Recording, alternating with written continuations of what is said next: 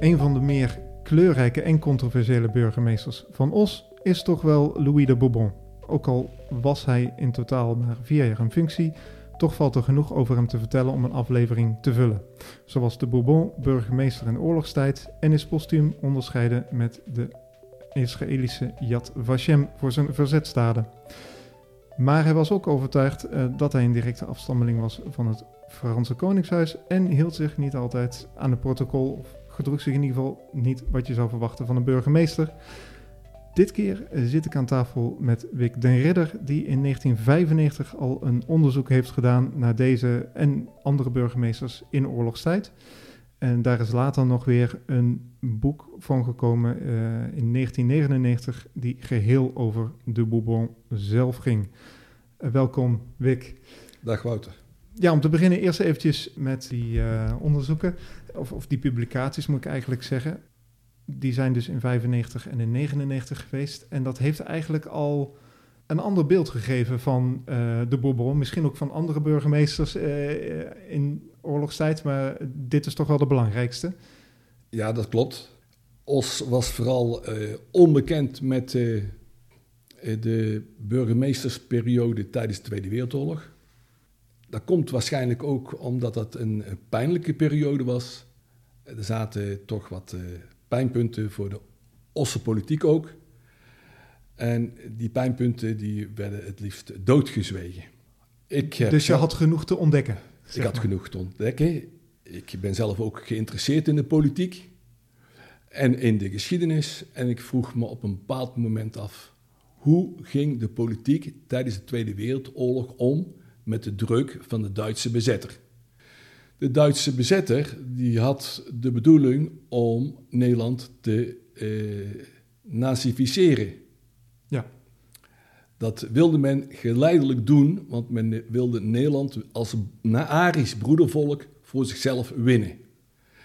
Dus de bevolking werd heel anders benaderd dan bijvoorbeeld de bevolking van Polen. Dat was echt een vernietigingsoorlog in Polen. En men wilde de uh, Poolse bevolking ja, eigenlijk liquideren of gedeeltelijk tot slaaf maken. Ja, en voor ons was er dan nog hoop, zeg maar, in de ogen van de Duitsers. Nou, de Duitsers probeerden gewoon Nederlands voor zich te winnen.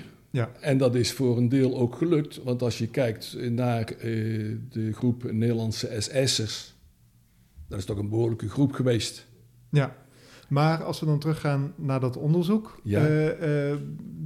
dat heb je dus eind jaren 90 of midden jaren 90 gedaan.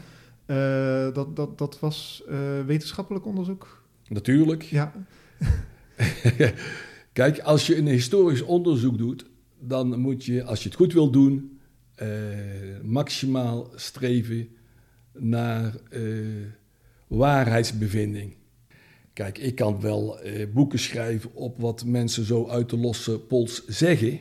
Ja. Maar is dat ook de waarheid? Is het ook zo geweest? Kijk, een historicus probeert de waarheid te reconstrueren. En uh, als dat nou 100, het 100% reconstructie is bijna onmogelijk. Ook in dit geval, omdat toen ik dit onderzoek deed, niet alle archieven openbaar waren. De archieven, omwille van uh, bescherming van de persoonsgegevens van mensen, uh, worden 50 jaar of 100 jaar kunnen die afgeschermd worden. Ja, maar daar, daar zijn dus, uh, uh, je, je, hebt meerdere bronnen geraadpleegd, meerdere mensen gesproken. En daar zijn dingen uitgekomen die, die daarvoor nog niet bekend waren. Dat klopt. Het beeld, kijk, misschien wel bij een hele kleine groep ingewijden op bestuurlijk niveau, was het beeld misschien wel aanwezig. Alhoewel ik me dat op een gegeven moment ook wel betwijfel. Maar men, het, het, het, exacte beeld van wie wat gedaan had, wie uh, burgemeester is geweest en wie waarnemend burgemeester is geweest, en of er een NSB-burgemeester was geweest. Kijk, in, in de kleine kring was eh, het feit dat er een NSB-burgemeester is geweest waarschijnlijk wel bekend, maar voor de, ik denk voor 90, misschien wel 95% van de bevolking niet. Daar, daar kwam dus een ander beeld uit eh, van de Bourbon. Die was wat positiever dan, dan eh, in Os tot dan toe leefde, bij het grote publiek in ieder geval. Dat klopt. En dat begon natuurlijk met het, met het feit dat Louis de Bourbon de, ja, zijn eh, de taak als burgemeester in Os opnam in mei 1941. Dus toen Ja. zaten we al eh, een, een, jaar in bezetting. Ja. Ehm, en dat, dat, dat, dat helpt natuurlijk niet. Nee, kijk, als iemand tijdens de bezettingstijd benoemd wordt, dan is dat voor veel mensen verdacht. Hij was natuurlijk al tot dan toe burgemeester geweest eh, bij Escharen en Langeboom. En lang, ja. Eh, was het wel zo handig van eh, de Bourbon om ehm, die burgemeesterspost aan te nemen? Uiteindelijk heeft hij bij, het, eh, bij zijn benoeming heeft hij moeten verklaren dat hij zich zou onthouden van handelingen tegen het Duitse Rijk bijvoorbeeld. Naar eer en geweten heeft hij daarbij gezegd. En dat was zijn eh, uitweg. In uh, Escharen Langeboom werd de burgemeesterspost opgegeven. Dus hij zat zonder werk. De Nederlandse regering in ballingschap, eh, die wilde eigenlijk de macht zoveel mogelijk vasthouden via de burgemeesters. En eh, Louis de Bourbon, het accepteren van de functie in Os, eh, past in dat verhaal. In het belang van de Nederlandse regering om zoveel mogelijk grip te houden op eh, de eigen gebieden die nu bezet waren door de Duitsers. Dus dat zijn al twee redenen. En daarnaast eh, was eh, Louis de Bourbon ook wel een, een carrièreman. Hij zag dat ook al als een promotie. Dus zijn eigenlijk drie argumenten om te zeggen van, nou, ik accepteer die burgemeesterspost. Daarnaast was het ook een, eh, een man met bravoer. Dat had hij wel degelijk. Hij was eigenlijk niet bang uitgevallen. Want Ja. anders zou je zo'n post niet zomaar accepteren.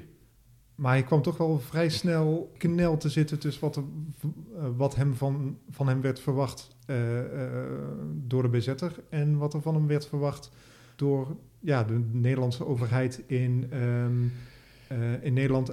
Waar dan van belang is dat er nog een internationale overeenkomst is waar hij zich aan moet houden. Die stelt dat ja, vanuit de Nederlandse overheid moet je gewoon meewerken met eh, de bezetter en dat blijven doen tot, tot ja, vredestijd en dat dan dingen worden afgehandeld, zeg maar. Dus Ja, je had het landoorlogsreglement en de aanwijzingen. Landoorlogsreglement was een eigenlijk reglement van de Volkenbond. En de aanwijzingen was een document van de Nederlandse regering in ballingschap, die al in 1937 samengesteld is. Eh, met de bedoeling, als Nederland toch de neutraliteit niet kan handhaven, dat we dan toch eh, weten hoe wij zoveel mogelijk grip houden op het gebeuren in Nederland, bestuurlijke gebeuren. En ja, kijk, het landoorlogsreglement, als je dat leest, dan denk je, ja, is het mooie papier, maar een brutale, brutale bezettingsmacht heeft daar geen boodschap aan.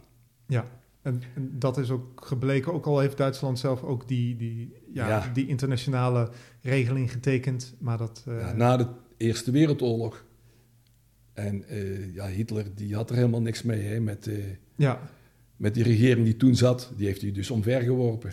In 1941 ja, waren nog voornamelijk ja, de, de ambtenaren bezig, eh, werkzaam, die voor de oorlog ook werkzaam waren. Bijvoorbeeld de Bourbon werd nog benoemd door de Nederlandse minister. Niet, niet in Londen, maar in Nederland zelf. Ja, Frederiks, secretaris-generaal. Ja, wat, hoe hoe, eh, was dat om in, in eh, mei 1941 dan eh, zaken te doen als, als burgemeester, zeg maar? Was dat nog te doen? Nou, de Duitsers probeerden de Nederlandse bevolking voor zich te winnen. Heel geraffineerd gebeurde dat. En de Duitsers wilden dan ook zoveel mogelijk de Nederlanders het werk laten doen. Dus tijdens de Jodenvervolging in Os werden aanvankelijk vooral eh, Osse politieagenten ingezet. En, en dat gold natuurlijk ook voor de ambtenaren. De registratie van eh, de Joodse ingezetenen werd voornamelijk door Nederlandse ambtenaren gedaan. Dat, dat is ook inderdaad dubbel bij eh, de Bourbon, want hij begint dus inderdaad in, in mei eh, 1941. En hij werkt bijvoorbeeld wel mee aan eh, het registreren van de Joden eh, in Os. Eh, wat natuurlijk eigenlijk al door Nederland zelf ook al gebeurde voor de oorlog. Maar hij was ook meteen al bezig met kleine sabotages. Ja, kijk, die registratie van de Joodse ingezetenen, die is ingezet door wethouder Kremers. Overigens een, een man uh, die... Uh, voor de Bourbon dus. Die nog voor die Bourbon functioneerde. Ja. En uh, waarvan, je, waarvan je kan zeggen, die werkte gewoon in de lijn van de aanwijzingen van de Nederlandse regering. Je zei zelf al dat de registratie van Joodse mensen ook al voor de bezettingstijd plaatsvond. Dus men vond dat ook niet zo vreemd om te doen. Ja. Dat is opvallend natuurlijk. En ehm, dus toen de Bourbon in Os kwam, was die registratie al bezig. En uh, zijn verzet, je had ook eh, zeg maar de registratie rond de arbeidseinsatz. En zowel eh, bij de jodenvervolging als bij de arbeidseinsatz saboteerde hij de boel. Hoe deed hij dat? Nou ja, goed, als mensen niet reageerden op verzoeken om zich te melden, dan werd de politie ingeschakeld. Ja. Nou, en daar lag er ruimte.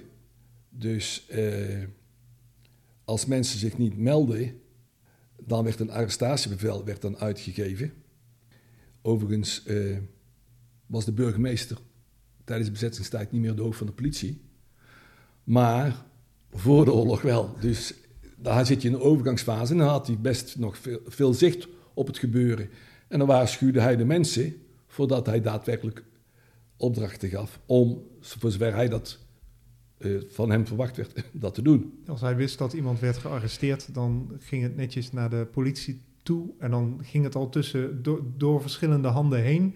En uh, dat gaf hem de tijd uh, uh, om, om anderen te waarschuwen. En, ja, maak dat je wegkomt. hij want, verdacht werd. Ja, maak dat je wegkomt, want ze komen bij je aan de deur. Ja, hij had ook wel wat, wat meer openlijkere um, dingen in die zin dat hij ook echt probeerde om, om nazi-cultuur, uh, ja. be, bepaalde schilderijen en dergelijke, uh, dat de koningin vervangen werd uh, door Hitler, zeg dat, ja. dat is toch al wat actiever, toch? Of in ieder geval wat, wat Nou, het actievere, kijk, zichtbare symbolen van het Derde Rijk, ja. bijvoorbeeld de beeldenis van Hitler, probeerde hij zoveel mogelijk weg te duwen. Dus op het gemeentehuis uh, hingen vooral foto's van onder andere de koningin en uh, van uh, de Osse-notabelen en van oud-burgemeesters. En nazi-symbolen werden zoveel mogelijk geweerd. Maar je, je, moet niet vergeten, die Louis de Bourbon, die had het niet, zat niet in de makkelijke positie. Een van de notabelen in het Osse stadsbestuur, naar de rand ook waarnemend burgemeester Pulles uh, was pro-Duits en die zo'n beetje ook. En uh, de samenwerking tussen Pulles en de Bourbon blijkt uit de documenten en bronnen, was voornamelijk zakelijk. Ze, ze waren ook overigens van dezelfde partij, hè? de Rooms-Katholieke Staatspartij. Ja, ja. ja, dat klopt. Maar uh, de familie P zat al in een bepaalde positie in die partij. Uh, dat had ook te maken met va zijn vader. En ja, dat, dat, dat, het rommelde in ieder geval in die partij, laat ik het zo stellen. En ze lagen eigenlijk aanvankelijk niet zo sterk in die partij. Maar je kan je voorstellen dat uh, naarmate de macht van de bezetter meer manifest werd, ja, dat mensen dan ja, gaan maken van waar hoor ik nou bij? En mensen die erg principieel waren, die gingen in het verzet. En mensen dachten, ik kan hiervan profiteren. Die gingen meedoen. Maar je had ook mensen die principieel natuurlijk eh, eh, eigenlijk op, het, eh, op de hand waren van het Derde Rijk. Je moet niet vergeten bijvoorbeeld dat de, de katholieke kerk eh, was eh, sterk anticommunistisch. Nou, daar maakte het Derde Rijk natuurlijk gebruik van. Ja, en eh, ja, goed, en die manipulatie die was heel geraffineerd. Dat, eh, die, dat, dat, zie je ook terug bij reacties van eh, SS'ers. Die zeggen, we gaan het communisme bestrijden. Dat was voor een aantal SS'ers blijkbaar een motief. Louis de Bourbon probeert dus uitingen van de nazi-cultuur te weren. Hij heeft ook acties die, die zeg maar voor de Duitsers handig waren. De, de winterhulp en de Nederlandse volksdienst. Die heeft, zonder daar verder in detail te, te treden, die probeerde hij ook die initiatieven uh, tegen te werken. Over te nemen door eigen initiatieven. Die minder voortvarend zijn. Ja, en, te en tekenen van, van, van, van die organisaties en ook natuurlijk van het Derde Rijk die probeerde hij ook in het openbare leven zoveel mogelijk te bedekken. Als er schilderingen waren op het wegdek of zo, probeerde hij die eh, aanvankelijk natuurlijk eh, weg te halen. En dat, die dingen vielen eigenlijk al wel meteen op bij de NSB, of in ieder geval ze hielden hem al een beetje in de gaten. Ja, of hij wel klopt. goed genoeg was als burgemeester. Ja. Er zijn, eh, er zijn artikelen in, eh, in het NSB-blad eh, die over Louis de Bourbon gaan. En die staan ook in het boekje afdrukken daarvan in Collaboratie of Verzet. Waarin uh, forse kritiek wordt geuit op uh, Louis de Bourbon. Even naar de, de burgemeester zelf. Hij was niet, zeg maar, een, een, een burgemeester als je zou verwachten in de, in de, in de jaren 40. Hij, was niet helemaal, gedroeg zich niet helemaal volgens protocol. Of in ieder geval, dat is de reputatie die hij heeft, toch? Ja, maar die reputatie is vooral ontstaan, denk ik, aan het eind van de oorlog. Uh, Louis de Bourbon was lid van de Rooms-Katholieke Staatspartij. En hij gedroeg zich uh, dus ook naar de cultuur van de politie van die partij. Daar, maar het was wel een charismatische man. Een man, ook een aristocratische man, een man met power. En hij had ook een, een hobby. Hij was schrijver en dichter en hielden van declameren. Dus het was geen doors, wat dat betreft geen doorsnee burgemeester, maar als zijn presentatie als burgemeester op zich, dat was aanvankelijk gewoon zoals dat in het patroon paste. Ja, ja. Het verhaal van uh, uh, Snap Louieke. Snaps. Snaps, ja, ja Snaps, Snaps Louieke. En het verhaal van Rokkenjager is eh, vooral eh, later ontstaan. Als je eh, precies een duidelijk beeld wil schetsen, dan zou je over dat gedrag van de, de, de Bourbon, de Snaps eh, dat, dus dat, die, de, de, de, de rokkenjacht, noem, het, noem maar op. Dat kan je zo niet, zomaar niet stellen. Je, je, je creëert een beeld van iemand zonder wetenschappelijke ondergrond. Ja, dat is gewoon te weinig over bekend. Nou, het is gewoon niet onderzocht. Ja. Je zou het moeten onderzoeken. Kijk, ik, ik weet wel dat hij uh, uh, op een gegeven moment, uh, aan het eind van de oorlog, dat hij in een scheidingsproces is terechtgekomen en dat hij verschillende relaties heeft gehad. dat hij aan het eind van zijn leven weer toch weer teruggekomen is bij zijn eerste vrouw, Goedroen. ja, en om dan over die oorzaken te praten waarom dat zo gegaan is, dat is het, het is dan in mijn ogen te makkelijk om daar een negatief beeld bij te schetsen. Ja. Kijk, ik ben, uh, ik heb het hoeft ook niet per se negatief te zijn, maar... Het, nou, het werd gebruikt, hè, snap je? Ja. Hij zat achter de vrouwen aan, dat was een schande. Ja. Dat, dat hoor ik uh, en dat kom ik tegen in de bepaalde uh, documenten. Dat is makkelijk gezegd natuurlijk. Maar wat was daar de oorzaak van? Ik denk dat bijvoorbeeld dat Louis de Bourbon, net zoals andere mensen van het verzet, een groot aantal andere mensen van het verzet, behoorlijk getraumatiseerd is geraakt in die oorlog. Ja. En nooit meer zichzelf is geworden.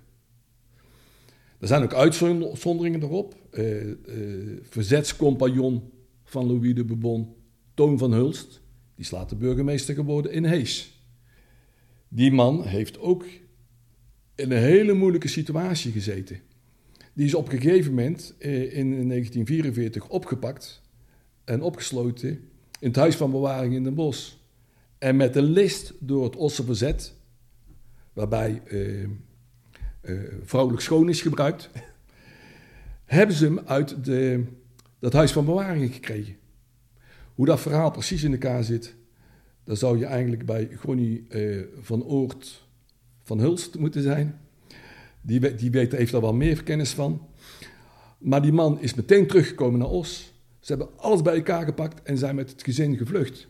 Ja. Want die man stond op, en dat gezin stond op het punt om naar een concentratiekamp gestuurd te worden. Die man is naar de rand burgemeester van Hees geworden. En die heeft eh, al die ellende kunnen verwerken. Heel knap. Maar eh, een aantal andere leden van die verzetsgroep, die is helemaal gewoon doorgeslagen. Die, die, die zijn getraumatiseerd geraakt. En die, die- als je al over de oorlog begon te praten, werden ze doodzenuwachtig. Ja, ja dat, dat heb je meegemaakt tijdens de interviews, dat dat Ja. soms bijna niet te doen was. Ja, Ja. Voordat ik dan verder wil gaan met eh, de acties die eh, Louis de Bourbon heeft gedaan, nog even eh, nog een ander bijzonder ding. Want hij was ervan overtuigd dat hij de kleinzoon was van Louis XVII. De, Lodewijk de 17 ja. ja, van de, de, de koning van Frankrijk, de laatste Ja, koning. Hij was, ja. ja. ja, wat moet je daarvan zeggen? Dat, dat werd ook tegengesproken. Maar hij was vast over, van overtuigd. En eh, zijn zoon, Charles, die nu in Canada woont, is dat ook. Ook al is er onderzoek naar zijn stamboom ge- gegaan en is er, eh gedaan, en dat- is er kijk, er is DNA-onderzoek onderzoek- er gedaan. DNA-onderzoek gedaan. En er staat ook in het boekje. En uit de conclusie uit dat onderzoek is dat dat niet zo zou zijn. Of zeer twijfelachtig. En de familie heeft zelf ook onderzoek gedaan. En eh, die eh, beweren dan weer het tegendeel. Ja, het was geen onderzoeksvraag van mij. Dus ik Nee. heb me daar verder niet in verdiept. En wat ik daar persoonlijk van denk, ja, het zou kunnen. De overgrootvader van eh, Louis had contacten met koning Willem II. En die koning Willem II die heeft hun de naam de Bourbon weer teruggegeven. Want de achternaam van, van overgrootvader was van Nauwendorf. Dus eh, ja, dat was, was het koningshuis, het Nederlands koningshuis, dus bij betrokken. Maar wat daar, kijk, ik weet daar het fijne niet van. En ik vind het ook eigenlijk niet zo interessant, want dat was ook niet de doelstelling van mijn onderzoek. Nee, nee, nee, nee, dat klopt. Maar dat zijn wel dingen die je, die je dan tegenkomt. eh, Ja, wel, want hij gedroeg zich wel als afstammeling van eh, Louis, of van, van Lodewijk eh, de 17e. En hij reed dan ook rond in een dienstauto met de Franse lelie erop.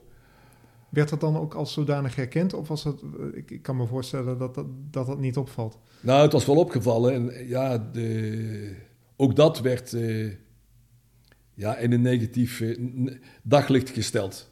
Ja, Hij werd zwart gemaakt aan het eind van de oorlog. En ja, kijk, ik ben een objectief historicus. En ik heb geen banden met wie dan ook, dus ook niet met het huis van de Bourbon.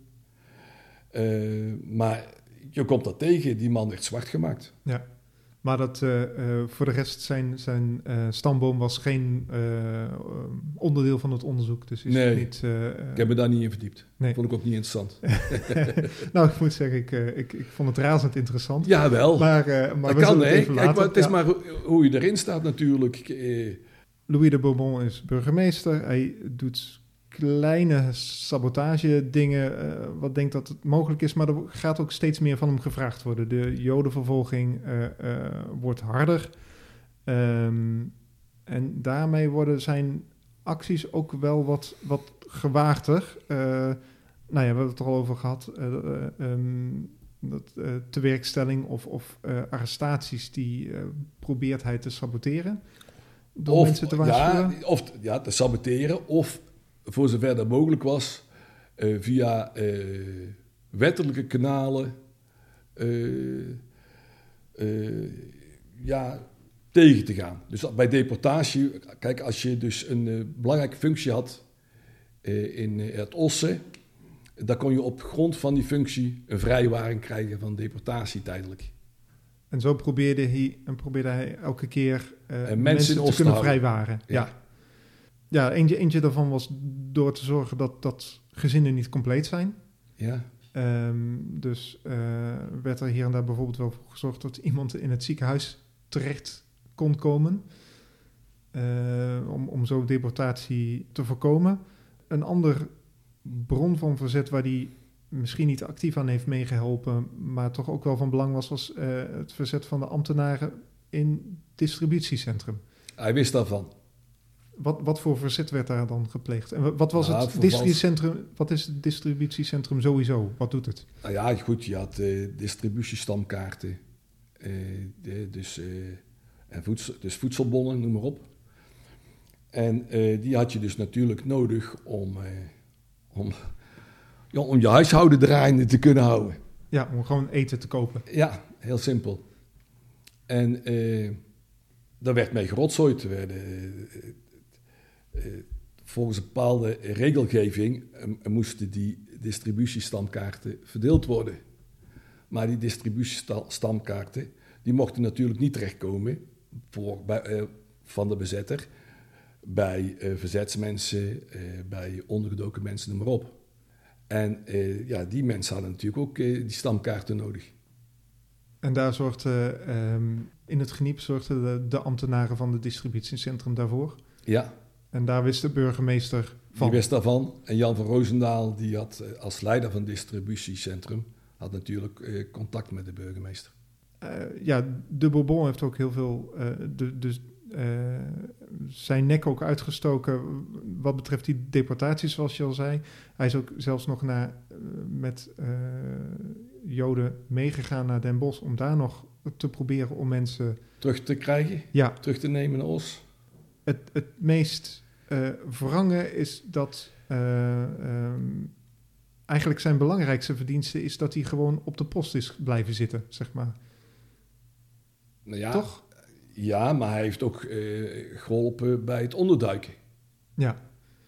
Nou, ik, ik bedoel, ehm, ehm, hij, hij heeft zeker mensen levens gered. Daar zullen we ook nog wel even op komen.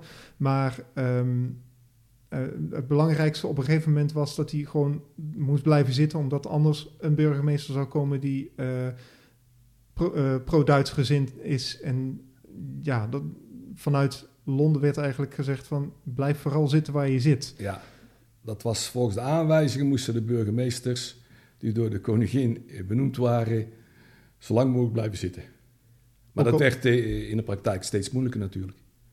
Ja, het, eh, en voor hem werd dat ook steeds moeilijker om dat eh, ja, te, te bewerkstelligen. Hij had ook nog een gezin, dus ik kan ja, me dat voorstellen alleen, dat dat maar kijk, eh, oplevert. de nazi's hielden zich niet aan het landoorlogsreglement.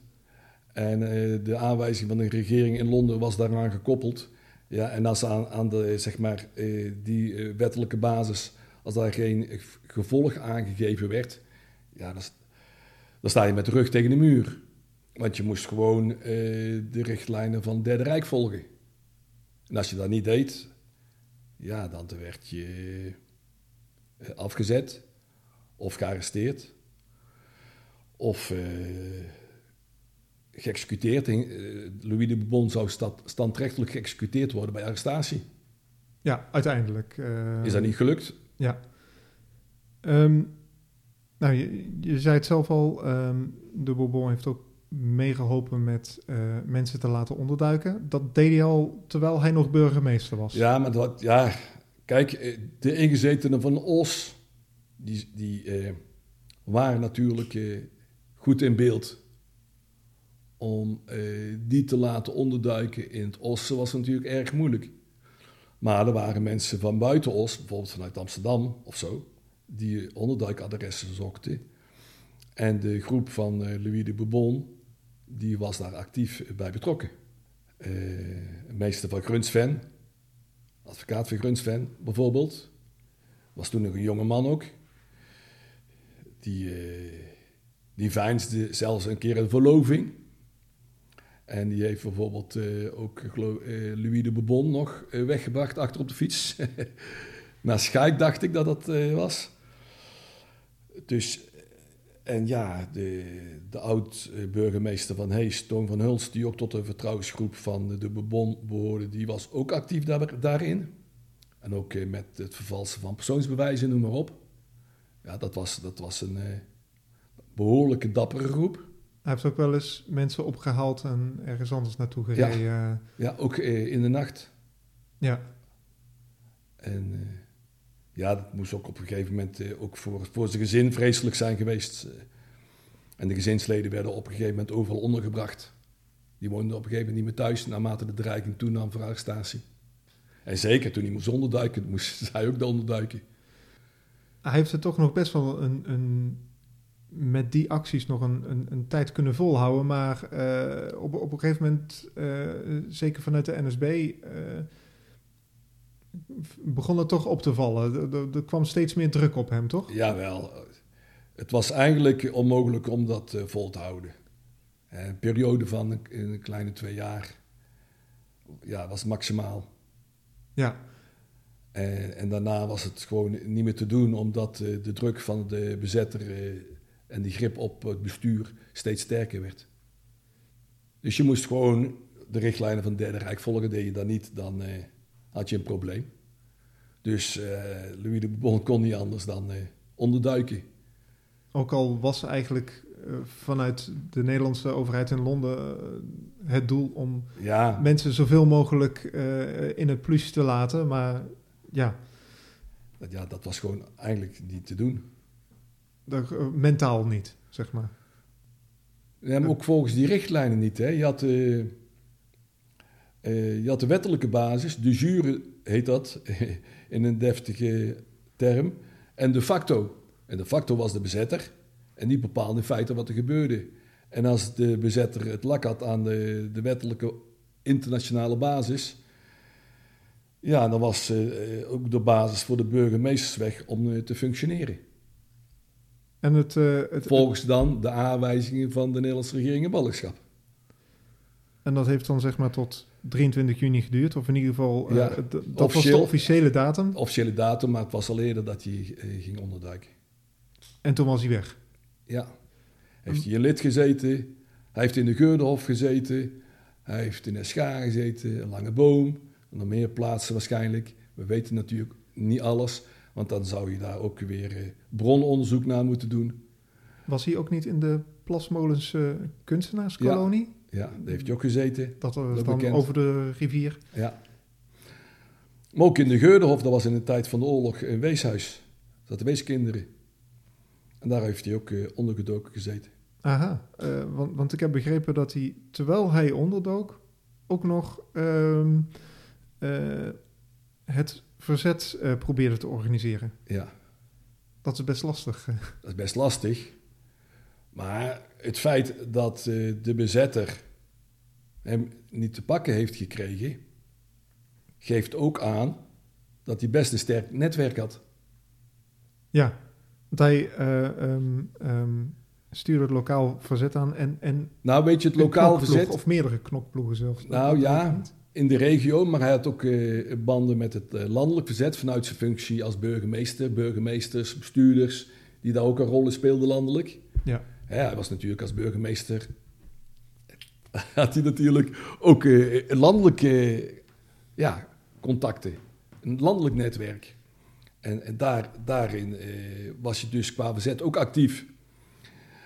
Ehm, maar weet je, met betrekking tot zijn verzet op zich, hoe dat allemaal precies gegaan is, uh, daar zou eigenlijk weer een apart onderzoek moeten plaatsvinden om daar een exact beeld van te krijgen. Kijk, ik weet uh, dus aan de hand van de onderzoeksvraagstellingen hoe het in het Ossen is gegaan. En in het Ossen zijn er ook verzetsmensen geweest die helemaal, zeg maar, geen verzetscontact had, hadden met de burgemeester. Het verzetscontact van de burgemeester was toch meer op bestuurlijk niveau. Ja, hij, hij was landelijk. bezig met, met, met dingen regelen, zeg maar. Ja, dus dan moesten mensen moesten onderduikadressen hebben en dan werd eh, vanuit het, het landelijk netwerk werd eh, de burgemeester benaderd. En eh, dan zorgde de burgemeester met zijn mogelijkheden om daar gevolg aan te geven. Ja. Nou ja, burgemeester toen, hij was toen geen burgemeester meer, maar... Uh, uh, hij, toen hij burgemeester was, in die twee jaar, heeft hij uh, die rol vervuld. En ook naar de rand. Maar naar de rand was het natuurlijk in het oosten een stuk moeilijker. Ja, omdat hij zelf niet meer... Omdat hij zelf op de vlucht was. Ja. Maar had hij via zijn contacten ja, natuurlijk wel activiteit in het verzet. Maar natuurlijk, als je op de vlucht bent, is dat een stuk moeilijker om dat ook verder te concretiseren. Het, eh, ehm, het gewapende eh, handverzet, dat lag hem wat minder, hè? Ja, weet je, ik zeg al, ik gaf wel al aan dat zijn verzet vooral in het bestuurlijk netwerk zat. Ja. En als er dan vanuit dat netwerk landelijk eh, onderduikadressen werden gevraagd, dan kon je daar eh, op inspelen. Als burgemeester had je natuurlijk helemaal niet de positie om in functie gewapend verzet te plegen. Ja. Wel, tijdens de operatie Market Garden kwam hij wel met een groep eh, gewapende mensen naar Oost toe. Hij eh, eh, heeft nog wel een, een avontuur gehad eh, bij een dijk, zeg maar. Heb ik gelezen dat hij nog heeft geschoten op een Duitser. Ja, Kan je er iets over vertellen? nou, die, die, ik zeg al, daar heb ik niet precies onderzoek naar gedaan. Ik weet wel dat het verhaal gaat dat daarbij een dodelijk slachtoffer was gevallen. Het, het, het, het- het was zeg maar, er zat één groep aan de eh, één kant van de dijk en Ja. één groep aan eh, Duitsers aan de Hij andere zat kant. nauw en hij zou zich dus, ja, om zijn leven te redden, eh, heeft hij teruggeschoten. Het, het verhaal was toch dat hij net over de dijk heen keek, terwijl een andere Duitser dat ook deed. Ja, dat is het verhaal. En toen was een schot gelost en toen bleef iedereen weer achter de, aan, aan hun kant van de dijk eh eh, schuilhouden. Ja, Eh, maar goed, dan ben ik zelf een beetje het verhaal aan het vertellen, maar het, eh, nou weet je, dat, kijk, de dergelijke verzetsdaden, daar heb ik natuurlijk verder geen onderzoek naar gedaan.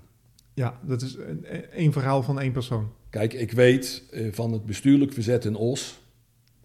eh, daar, dat is naar voren gekomen tijdens het onderzoek. Via verklaringen van onder andere Jan Buivoets en Jan van Roosendaal. En eh, Toon van Hulst. En eh, noem maar op, wat, een aantal verzetsmensen meer. Eh, en vooral de verzetsmensen rond de groep De Bourbon. Kijk, je moet altijd voorzichtig zijn hè, met uitspraken over gebeurtenissen als je daar geen uitgebreid onderzoek naar hebt gedaan. Ik Het kan is, wel het is een verhaal. een ja. verhaal en ik heb daar verder geen onderzoek naar gedaan. Nou ja, we hebben het eh, geluk eh, dat eh, de Amerikanen al, al snel komen. En de Bourbon was er ook meteen bij. Ja. Dat Ja. klopt. Dus die kwam meteen zijn functie opeisen. En de waarnemend burgemeester, die op Duitse hand was, die maakte dat hij wegkwam. Ja. Ja, want dat hebben we dan nog eventjes gemist.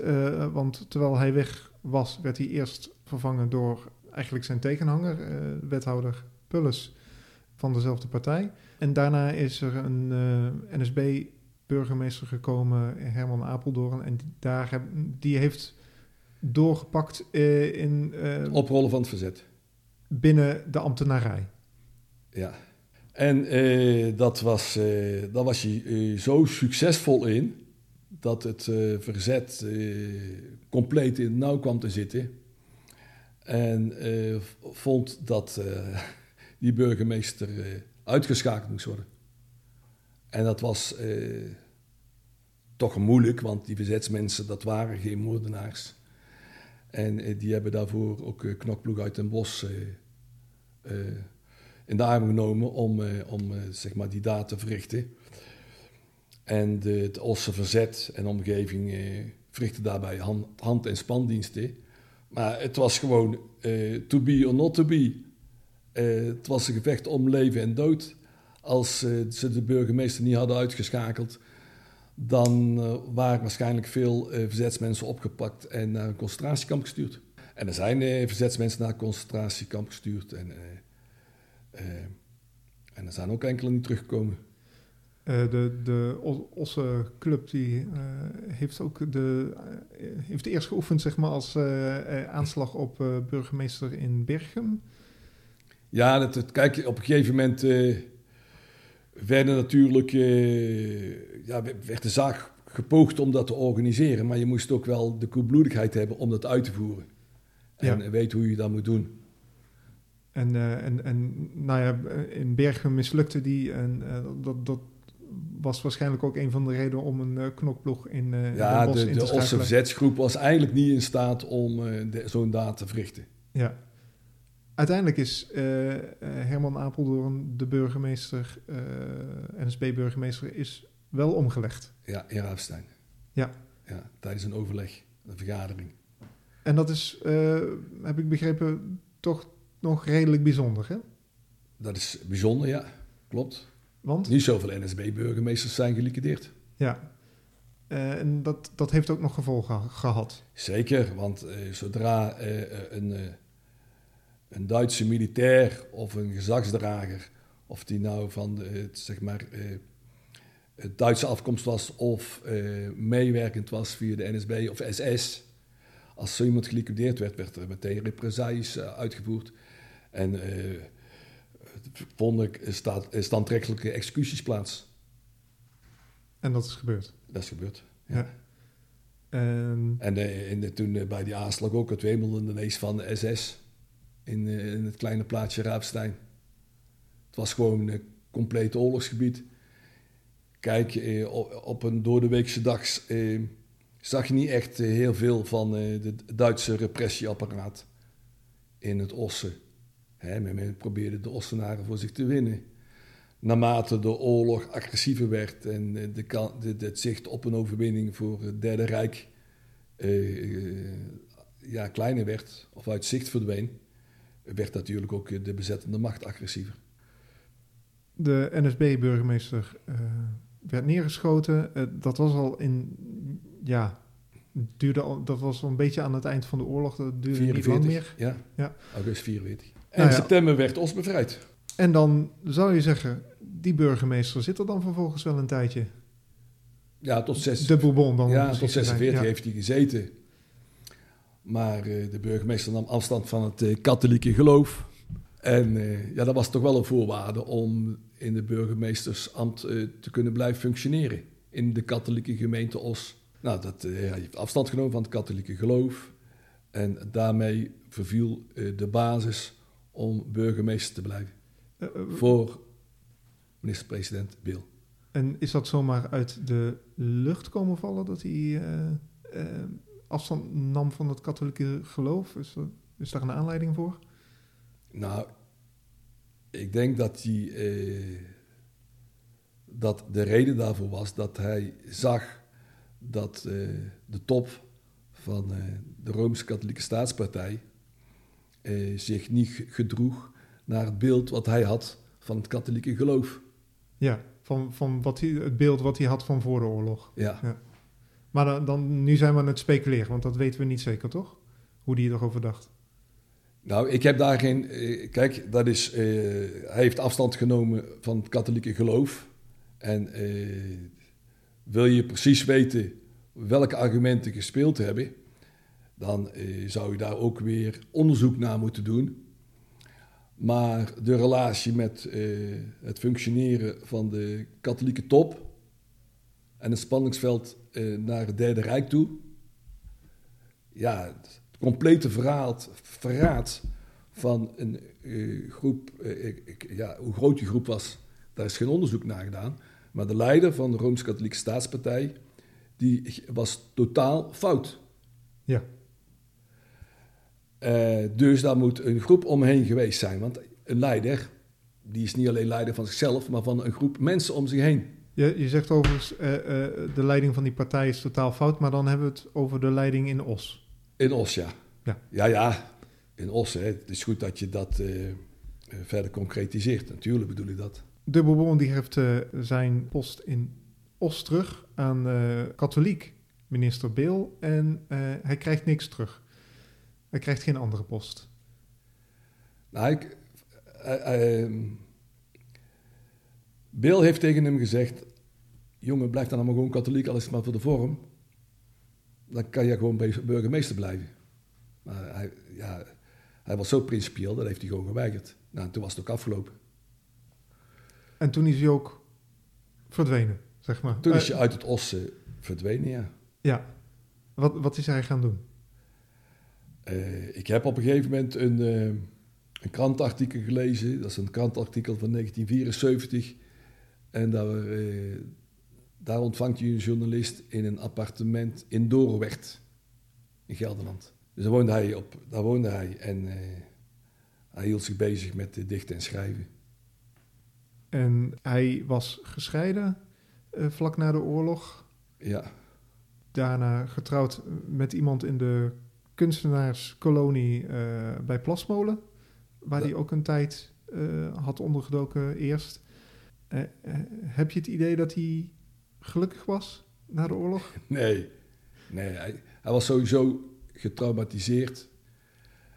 En eh, ja, goed, de wisselende relatie die hij had, dat gaf natuurlijk ook een beeld. En op een gegeven moment werd hij ziek. Kreeg hij kanker. Ja, het verhaal gaat ook... Ja, daar moet eigenlijk voorzichtig in zijn. Hij, hij lustte natuurlijk graag een borrel. Dat was bekend. En... eh, ja, er werd ook gesteld dat hij drugs zou gebruiken. Eh, in hoeverre dat te maken had met zijn ziekte, ja goed, dat heb ik niet onderzocht. Ja, ja. Dat, dat, dat waren verhalen die de ronde, de ronde deden. deden, ja. Ja. Eh, bedoel je dan drugs na de oorlog of, of, of daarvoor? Of... Nou, die verhalen gaan over na de oorlog. Ja, Maar het zijn verhalen waar ik geen zicht op heb. ja. Nee, klopt. Eh, maar het is in ieder geval wel duidelijk dat hij wel echt geknakt was, Hij was door de oorlog. Ja. Ja, ja. En het bijzondere is na de rand dat hij toch weer contact kreeg met zijn eh, eerste vrouw, eh Goedroen. ja. Zij is Deens, eh Ja, even voor duidelijkheid. Ja. Van, vandaar de voornaam. Ja. ja.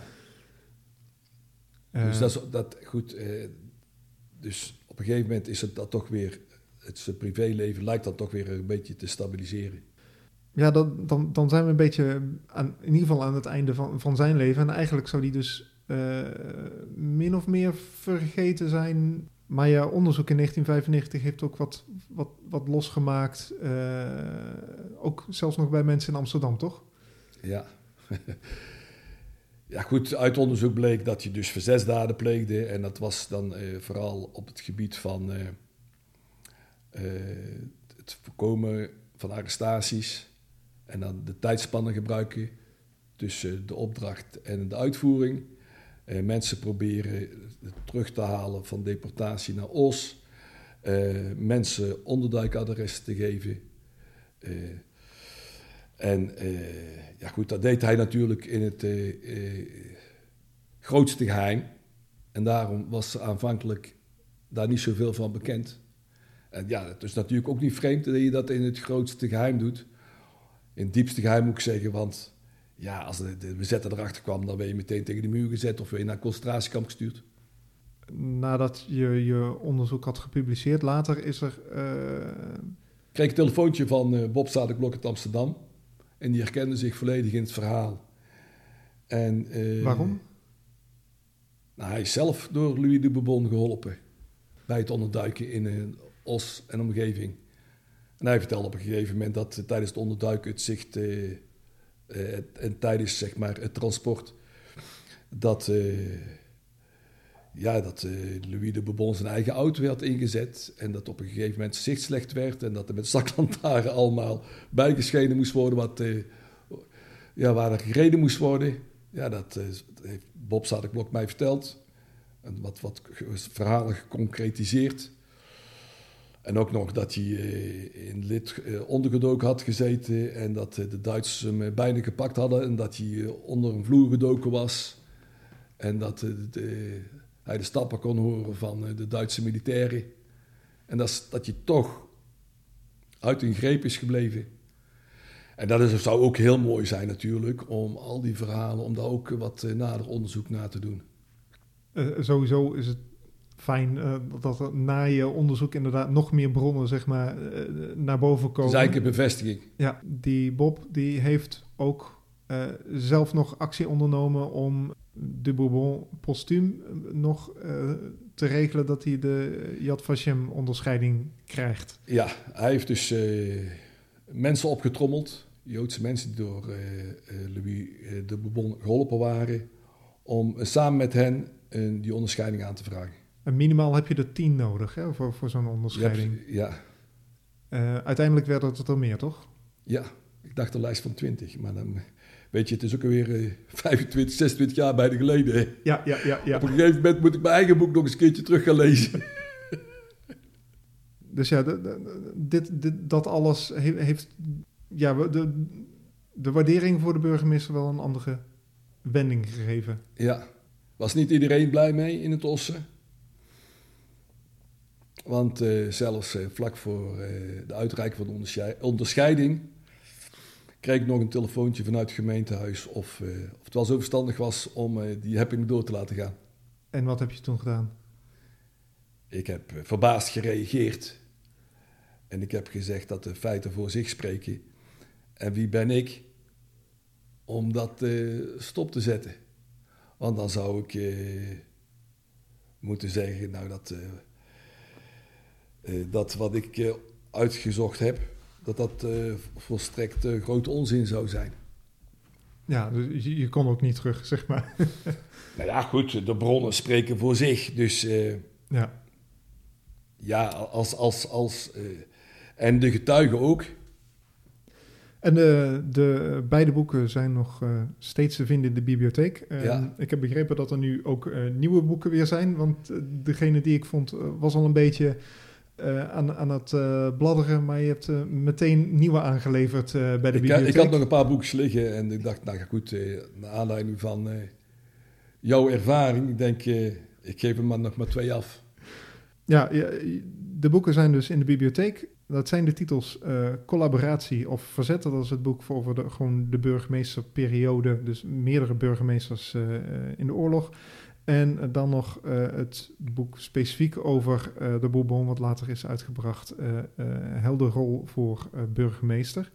Ja, heb, je nog iets aan te vullen? Zijn we nog iets, hebben we iets onderbelicht gelaten? Nee, kijk, weet je, ehm, Louis de Bourbon is zo'n charismatisch persoon. Laatst kreeg ik een telefoontje van iemand uit Escharen, die wilde ook een gesprek met mij hebben. Want die, wil een boek, uh, die is van plan een boek te schrijven over Louis de Bourbon. En ja, het zou natuurlijk mooi zijn om een totaalplaatje te maken. Kijk, het is niet alleen in, eh, in de oorlog uh, burgemeester geweest. Hij is niet alleen verzetsman geweest. Hij is ook vader geweest. Hij heeft drie kinderen, vier kinderen voor zover bekend. Ehm, twee, drie erkende kinderen en één buitenechtelijke dochter. Ehm, hij uh, is schrijver, dichter geweest. Uh, hij heeft zoveel rollen vervuld. Hij heeft ook nog uh, als journalist gewerkt in Indonesië. wat je zelf al zegt, de afstamming van het Franse Koningshuis is ook een onderdeel van zijn leven. Of dat nou waar of niet waar is. Louis de Bourbon en zijn nazaten geloven daar sterk in. Dus voor hun is dat waar.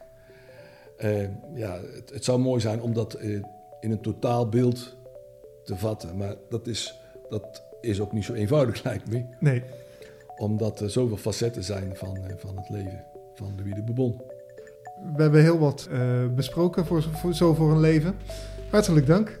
Geen dank, graag gedaan. Perfect.